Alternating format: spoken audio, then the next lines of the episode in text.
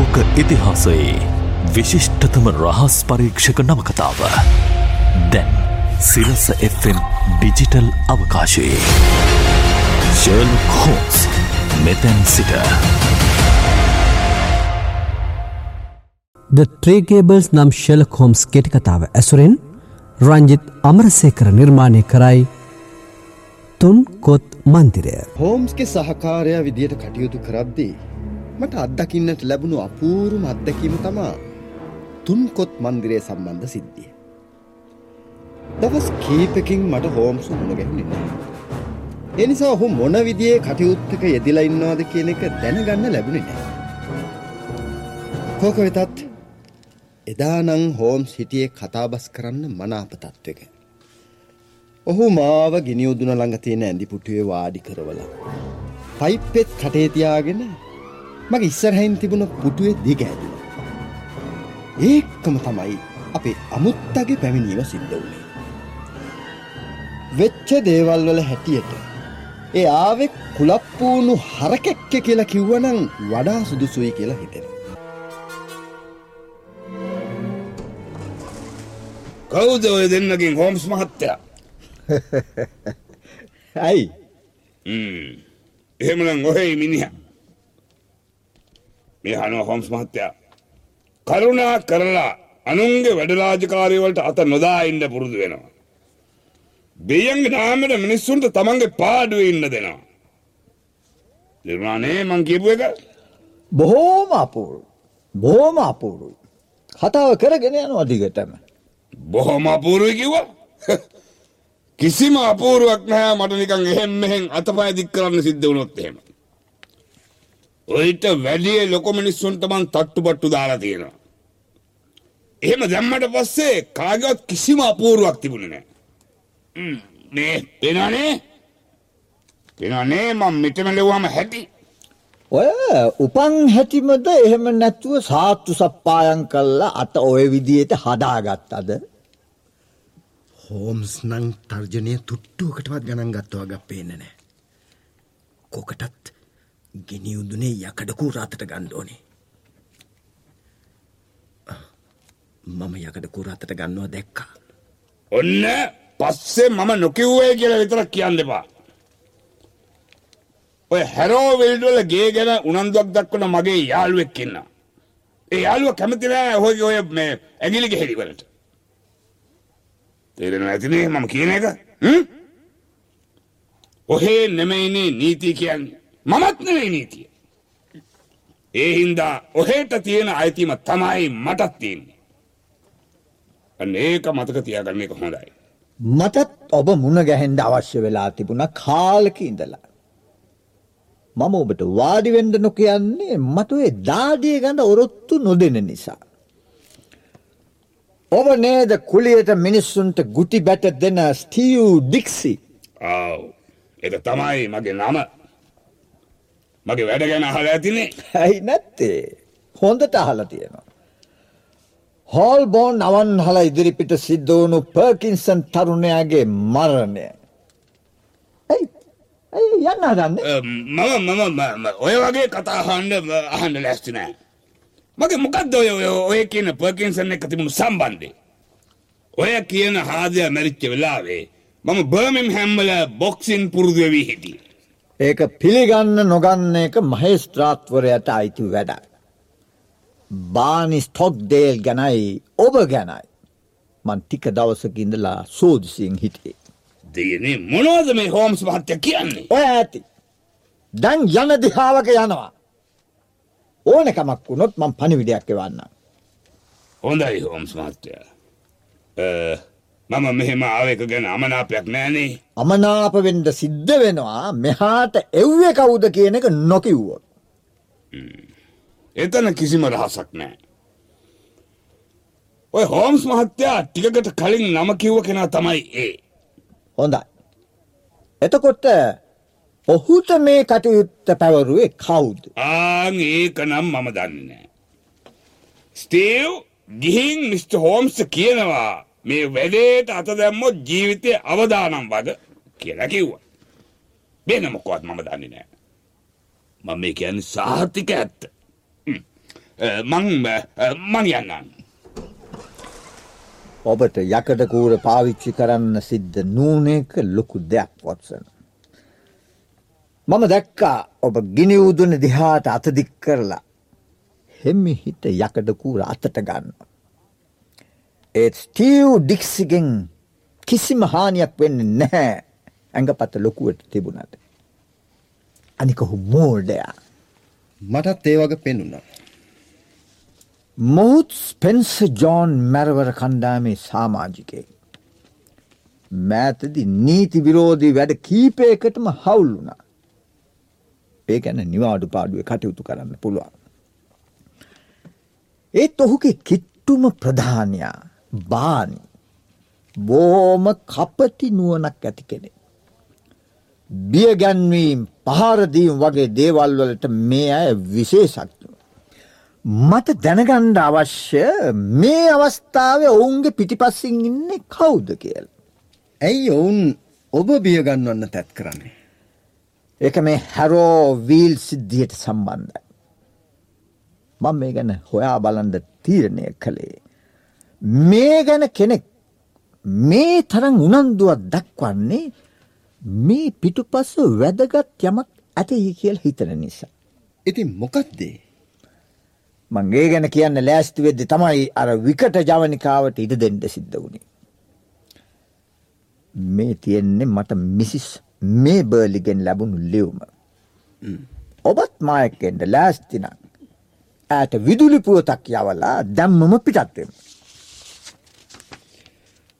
ප්‍රිය Sherlock Holmes මහතානනි. මගේ නිවස හා සම්බන්ධව පුදුමාකාර කරුණු කිහිපයක් සිදුවිය. ඒ පිළිබඳව ඔබගේ උපදෙස් සගය කරමි. මම හෙට මුළු දවසම ගෙදර සිටින්නෙමි. මෙම නිවසට ඇත්තේ වීල් දුම්රිය පොලේ සිට පයින් යා හැකි දුරකි.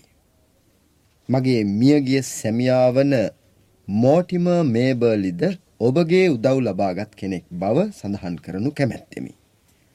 මෙයට විශ්වාසී මේරි මේබර්ලි. ලිපිනය තුන්කොත් මන්දිරය හැරෝවිල්ඩ්. ඔන්න ඕකයි තත්ත්වය. ඔබටත් මේ වෙනුවෙන් මිඩංගු කරන්න කල්වෙලා තියෙනවා නං අපි වහාම පිටත්වෙමු.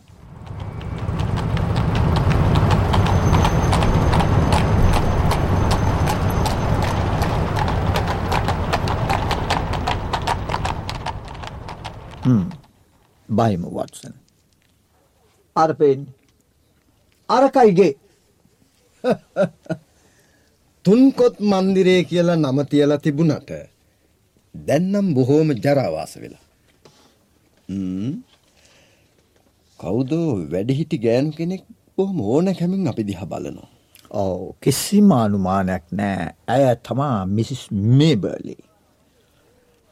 ඔබේ සැමියා මගේ සේවය ලබාගත්තේ බොහෝම කාලකට ඉස්සර මිසිස් මේබර්ලි ඒත් මට ඔහුව හොඳට මතකයි. ඔබට මගේ පුතා ඩග්ලස්ව මතක ඇති ඊට වඩා හොඳින්. මොනවා? එතකොට ඔබ ඩග්ලස් මේබර්ලිගේ මවද? ඔව්. මම ඔහු තරමක් දුරට දැනගෙන හිටියා. මම විතරක් නෙවෙයි. මුළු ලන්ඩන් නුවරම ඔහුව දැනගෙන හිටියා. විශිෂ්ට පුද්ගලයෙක්. දැන් කෝ ඔහු? මලා මිස්ට. හෝම්ස්. ඔහු රෝමයේ උපතානාපති වෙලා හිටියා. ගිය මාසේ ඔහු නිව්මෝනියා රෝගය හැදිලා මලා. යමු ඇතුළට ඉඳ ගන්න. ගෙදර ලී බඩු ඇතුළු අනිත් බඩු මුට්ටු නම් හොඳ පිළිවෙලක ඒවා. මට බොහොම කනගාටුයි මිසිස් මේබර්ලි. ඒ වගේ කෙනෙක් හදිසියම මලාය කියන එක අදහා ගණ්ඩත් අමාරුයි. ඔහු බොහෝම ප්‍රාණවත් පුද්ගලයෙක්. ඔහුගේ ශරීරයේ හැම්ම මස් පිඳුවක්ම බොහොම ශක්තිවන්තයි. හැම ක්‍රියාවක්ම වේගවත්. ඔව්. ඔහුගේ වේගවත්කම තමයි ඔහුගේ විනාසයට හේතුනේ. ඔබට ඔහුව මතක ඇතිනේ කදිම ඒ වගේම ප්‍රසන්න තරුණයෙක් විදිහට. පස්සේ ඔහු කොච්චරවත් කල්පනාවට වැටිලා ඉන්න. නොසන්සුන්. නිතරම තරහ යන. කොයිම වෙලාවකවත් මූුණේ හිනාවක් නැති කෙනෙක් බවට පත් වුණා. ඔහුගේ හිත කැඩුණා. මාසයක් ඇතුළත අර තරං අපූරු තරුණය හැම දෙයක්ම නුරුස්සන්න පටන් ගත්තා. ප්‍රේම සම්බන්ධයක් කාන්තාවක් වගේ ප්‍රශ්නයක්ද යක්ෂය කිව්වනම් වඩාත් හරි. ඒත් මිට. හෝම්ස් මං ඔබට එන්න කිව්වේ මගේ අසරණ දරුව ගැන කතා කරන්න නෙවෙයි. මමයි ඩොක්ට. වොට්ස් නොයි සූදානන් ඔබට සේවය කරන්න. මෑතකදී බොහොම පුදුම දේවල් සිද්ධ වෙන්න පටන් ගත්තා. මං මේ ගෙතර පදිංචියට ඇවිත් දැන් අවුරුත්තකට වැඩි. මට නිස්කාන්සුයි ජීවත් වෙන්න අවශ්‍ය නිසා මං අහල පහල උදවියත් එක්ක වැඩි ආශ්‍රයක් නෑ. ඕ මට තේරුම් ගන්න පුළුවන්.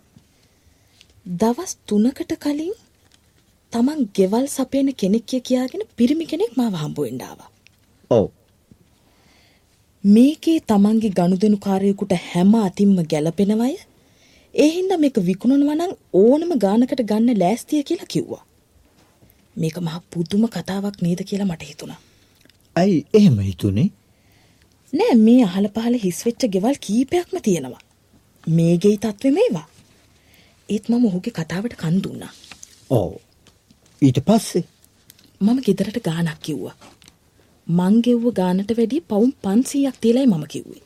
හරි ඔහු එක පාරටම කැමති වුණා. හැබැයි මෙහෙම කතාවකුත් කිව්වා. කොහොම කතාවන්ද තමන්ගේ ගනුදෙනු කාරයක් ගෙදර තියෙන බඩුමුට්ටුත් එක්කම ගේ ගන්න කැමති නිසා ඒවටත් වෙනම ගානක් කියන්න කිව්වා. හරි ඉති මේ ලීබඩු සමහරක් අපේ මහගෙදර තිබුණ ඒවා. ඔබට පේනවා ඇති ඒව තවමත් බොහොම හොඳ තත්වෙන් තියෙනවද. ඔව් ඔබට තියෙන්නේ බොහෝම ස්තරංගෘහ බහන්ඩ ඔවු මම ඒවටත් සෑහෙන ගානක් කිව්වා. රවුන් ගානක්. ඒකටත් ඔහු එක පාරටම කැමති වුණා. ඔහුගේ ගණුදනුකාරයා සල්ලි උල්පතක් වෙන්න ඕන මගේ ජීවිතයේ මුල ඉඳලම තිබුණ බොහොම ලොකු ආසාවක් තමයි මිට. හෝම්ස් රට රටවල සංචාරය කරන එක. ඉතිං මට ලැබෙන මේ විශාල මුදලින් මගේ ජීවිතයේ ඉතිරි කාලේ නිදහසේ සන්තෝසෙන් ගෙවන්න ලැබේ කියලා මං හිතාගත්තා. ඔව් ඔය වයසිදි දේශ සංචාරය කරන්න ලැබීම හිතට ලොකු සතුටක් ඊයේ ඔහු ඔප්පු තිරප්පු සේරම පිළියල කරගෙන ආවා. හොඳ වෙලාවට මං ඒ ලියවිල්ල හැරෝවල ඉන්න මගේ නීතිඥා මිට. සුට්රෝට පෙන්නවා. ඔහු මොකොද කිව්වේ ඔහු කිව්වා මේක පුදුමාකාර ලියවිල්ලක්ය මේ තියෙන වගන්තිවල හැටියට ඔබ මේකට අස්සං කළොත් ඔබට ඔබේ පෞද්ගලික පරිහරණයට ගන්න දේවල්වත් මේ ගෙදරින් පිටට ගෙනියන්න ලැබෙන්නේ නෑ කියලා.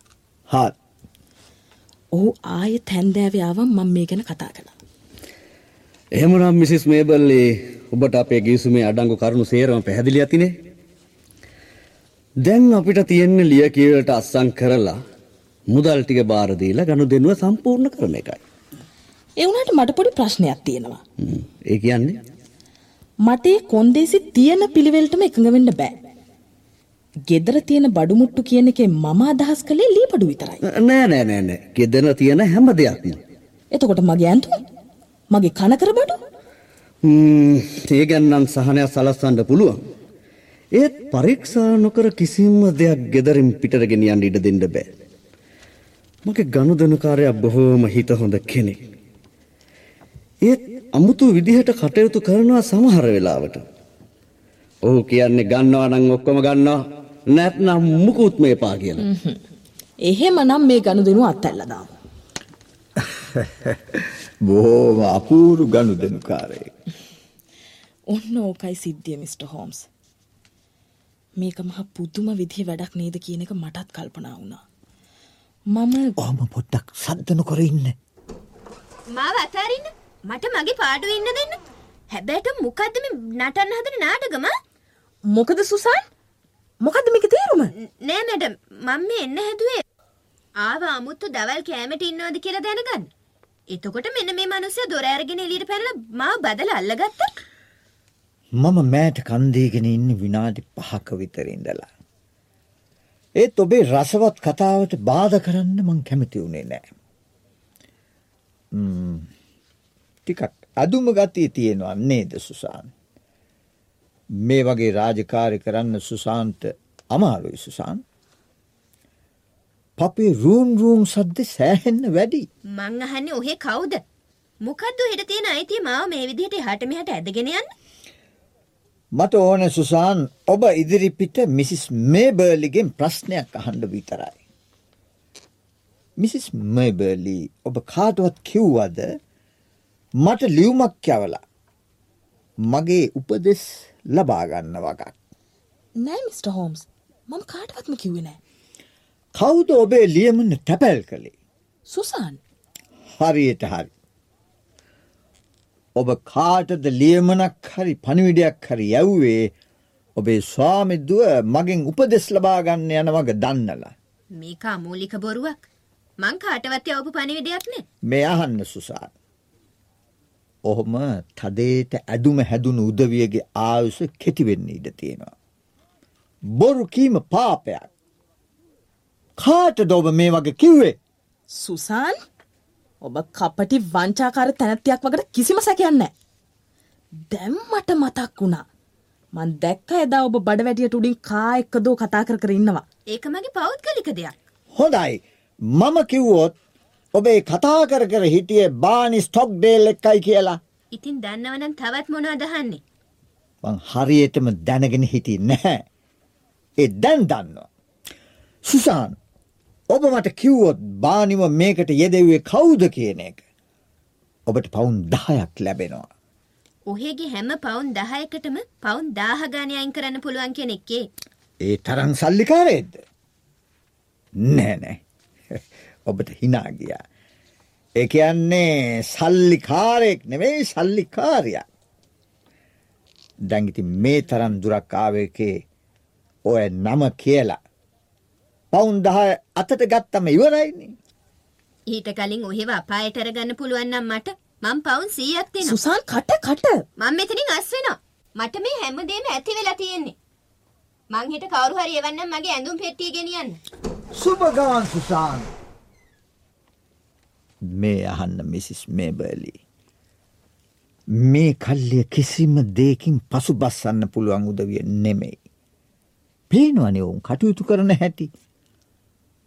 ඔබ මට එව්ව ලියුමේ මුද්‍රාව වැදිලා තිබුණේ රෑ 10ට. ඒත් සුසාන් ආරංචිය දුන්න බානිට.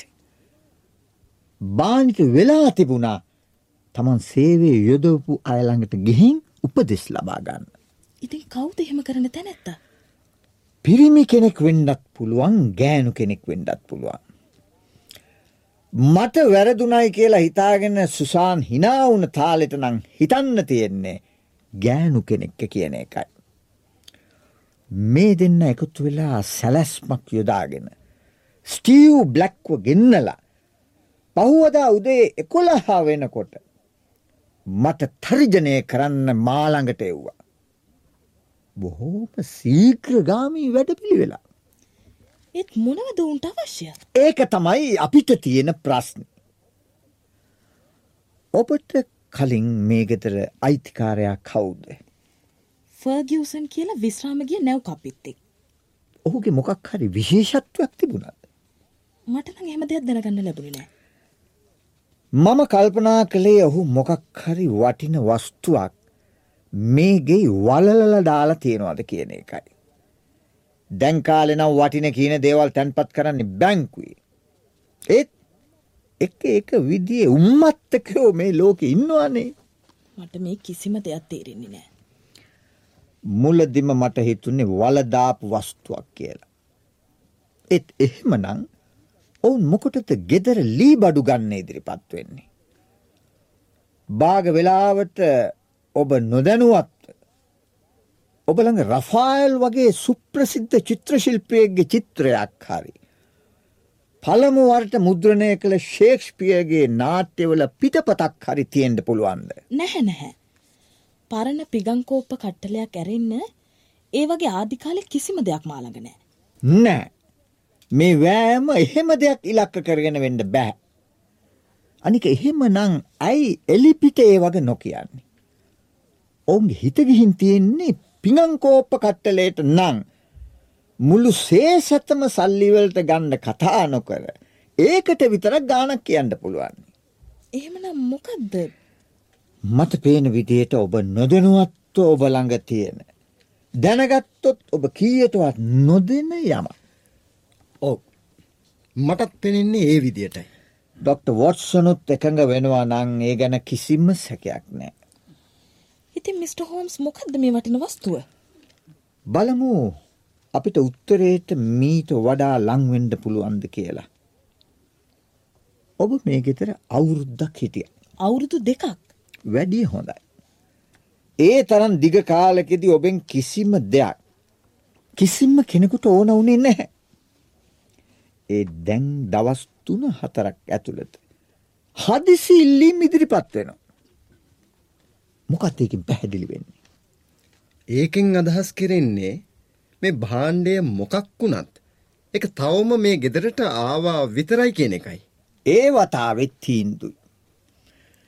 දැම් මිසිස් මේබර්ලි. එහෙම බොහොම මෑතති ගේ ඇතුළට ආදයක් තියෙනවා. නෑ. මම මේ අවුරුද්දේ කිසිම අලුත් දෙයක් සල්ලි වලට ගත්තේ නෑ. එහෙමද. එක ලොකු පුදුමයක්. හොඳයි. තව ටිකක් තත්ත්වය පැහැදිලි වන තුරු. අපි ඔය විදියටම කාරණා සිද්ධ වෙන්න ඉඩාරිමු. ඔය ඔබේ නීතිඥයා දක්ෂයෙක්ද. ඔව් මිස්ටර් සූට්‍රෝ බොහොම දක්ෂ කෙනෙක්. ඔබ ළඟ තවත් සේවිකාවක් ඉන්නවාද. එහෙම නැත්තම් ගෙදර වැඩට හිටියේ ඉස්සරහා දොර කැඩෙන්න තරම් හයියෙන් වහගෙන දොට්ට බැස සුසාන් විතරද. තව තරුණ ගෑනු ළමයෙක් ඉන්නවා. මිස්ටර් සුට්‍රූව දවසකට දෙකකට ගෙදර නවත්ත ගන්න. ඔබට ආරක්ෂාව අවශ්‍ය වෙන්න ඉඩ තියෙනවා. කාගෙන්ද? ඒක කියන්න පුළුවන් කමක් නැහැ. මේ ප්‍රශ්නය තේරුම් ගැනීම බොහෝම දුෂ්කරයි. දැන් මම අනිත් පැත්තෙන් ප්‍රශ්නෙට ලං වෙලා මේ සිද්ධියේ ප්‍රධානිය කවුද කියලා සොයාගන්න ඕනේ. මේ ගෙවල් සපයන තැනැත්තා. ඔහු ඔබට දුන්නද ඔහුගේ ලිපිනේ. රක්ෂාව සඳහන් කාඩ් පතක් විතරයි දුන්නේ. හේන්ස් ජොන්සන් වෙන්දේසිකරු හා තක්සේරුකරු. මං හිතන්නේ නෑ ඔහුගේ නම ඩිරෙක්ටරි ඇතේ කියලා. අවංක ව්‍යාපාරිකයෝ තමන්ගේ ව්‍යාපාරික ස්ථානය කාගෙන්වත් වසං කරන්නේ නැහැ. අලුතින් යමක් දැනගණ්ඩ ලැබුණොත් මට දන්නන්න. මේ භාරගත්ත කටයුත්ත මම කොහෝම හරි ඉෂ්ට කරනු. ඒගන සැකයක් ඇති කර ගණ්ඩ එපා. එනම් අපි යමු වොටසන්. මොනවද මේ සාලෙ මුල්ලක පෙට්ටි වගේයක් ගොඩ ගහලා තියෙන්නේ. මිලානෝ ලුස මේවා ඉතාලියෙන් ඇවිත්තයෙන්.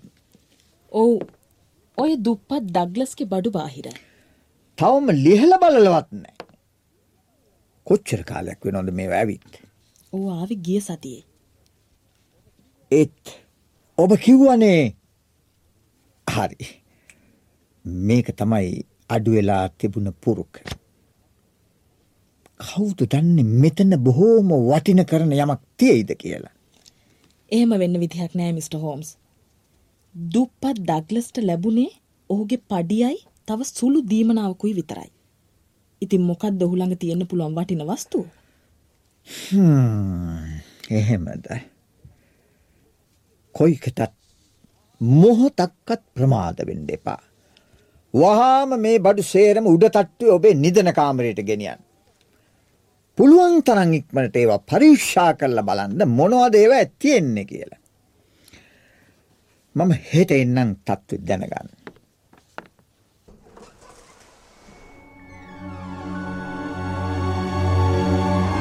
හෝම්ස් හෝම්ස් ඇයි අර බඩ වැටියට මුවා වෙලා ඉන්නවා ස්ටීව්. මම දැක්ක මම දැක්ක. සාක්කුවට අත දැම්ම පිස්තෝල එලියට ගන්නද හොම්ස් මාත්‍ය නෑස්ටව් මගේ සෙන්ට් බෝතලේ ගන්න. හෝම්ස් මහත්තලඟ හරි විහිලු තියෙන්.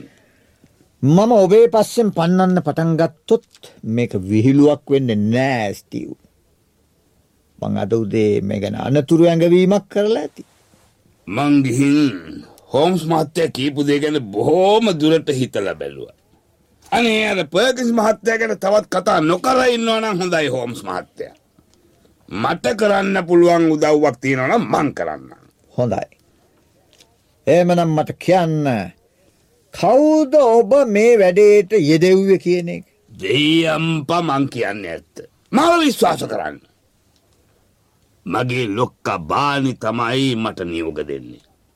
ඉන් එහා මොකවත් මන් දන්නේ නෑ. එහෙමනම් මෙන්න මේක හිතේ තියාගන්නවා හොඳයි. මේ ගෙදර ඉන්න නෝන මහත්තයා. ඒ වගේම මේ වහල යට තියෙන හැම දෙයක්ම තියෙන්නේ මගේ ආරක්ෂාව යටතේ. අන්න ඒක අමතක කරන්න එපා. හොඳයි හොඳයි මං මතක තියාගන්න. යමු වොට්සන්. අපිට තව වැඩ රාජකාරි හුඟක් තියෙනවා. මිනිහා හොඳටම බය වුණා. ඔව් තමන්ගේ නියම හාම් පුතා කවුද කියලා දැනගෙන හිටියනම් ඔව් ඒකත් මට කියනවා. මං ස්පෙන්ස් ජෝන් කල්ලිය ගැනයි ස්ටීව් ඒක සාමාජිකයෙක් වගයි දැනගෙන ඉදීම වාසනාවට හිටිය. දැන් ඉතින් වොට්සන් මම යන්න ඕනෑ ලැංඩේල් පයික් මුණ ගැහෙන්. ලැංඩේල් පයික් ඔව් ඔහුගෙන් තමයි පාතාල ලෝක ගැනයි. ලන්ඩන් නුවර අනිත් හැම කලබැගෑනියක් ගැනයි ඕපදූප දැනගණ්ඩ පුළුවන් වෙන. කැලෑ පත්තර වලට තොරතුරු සැපීමෙන් විතරයි ඕ මාසකට සෑහෙන මුදලක් උපය ගන්න. හොඳට ඉරේලිය වැටන දවසක්. මොකද හෝම්ස් ඔබ කිසි කතාබහක් නැත්තේ. මට තවමත් තේරුම්ගන් බෑවොත්සන්. මේ තුන්කොත් මන්දරයට සම්බන්ධ අභිරහස මොකක්ද කියන එක.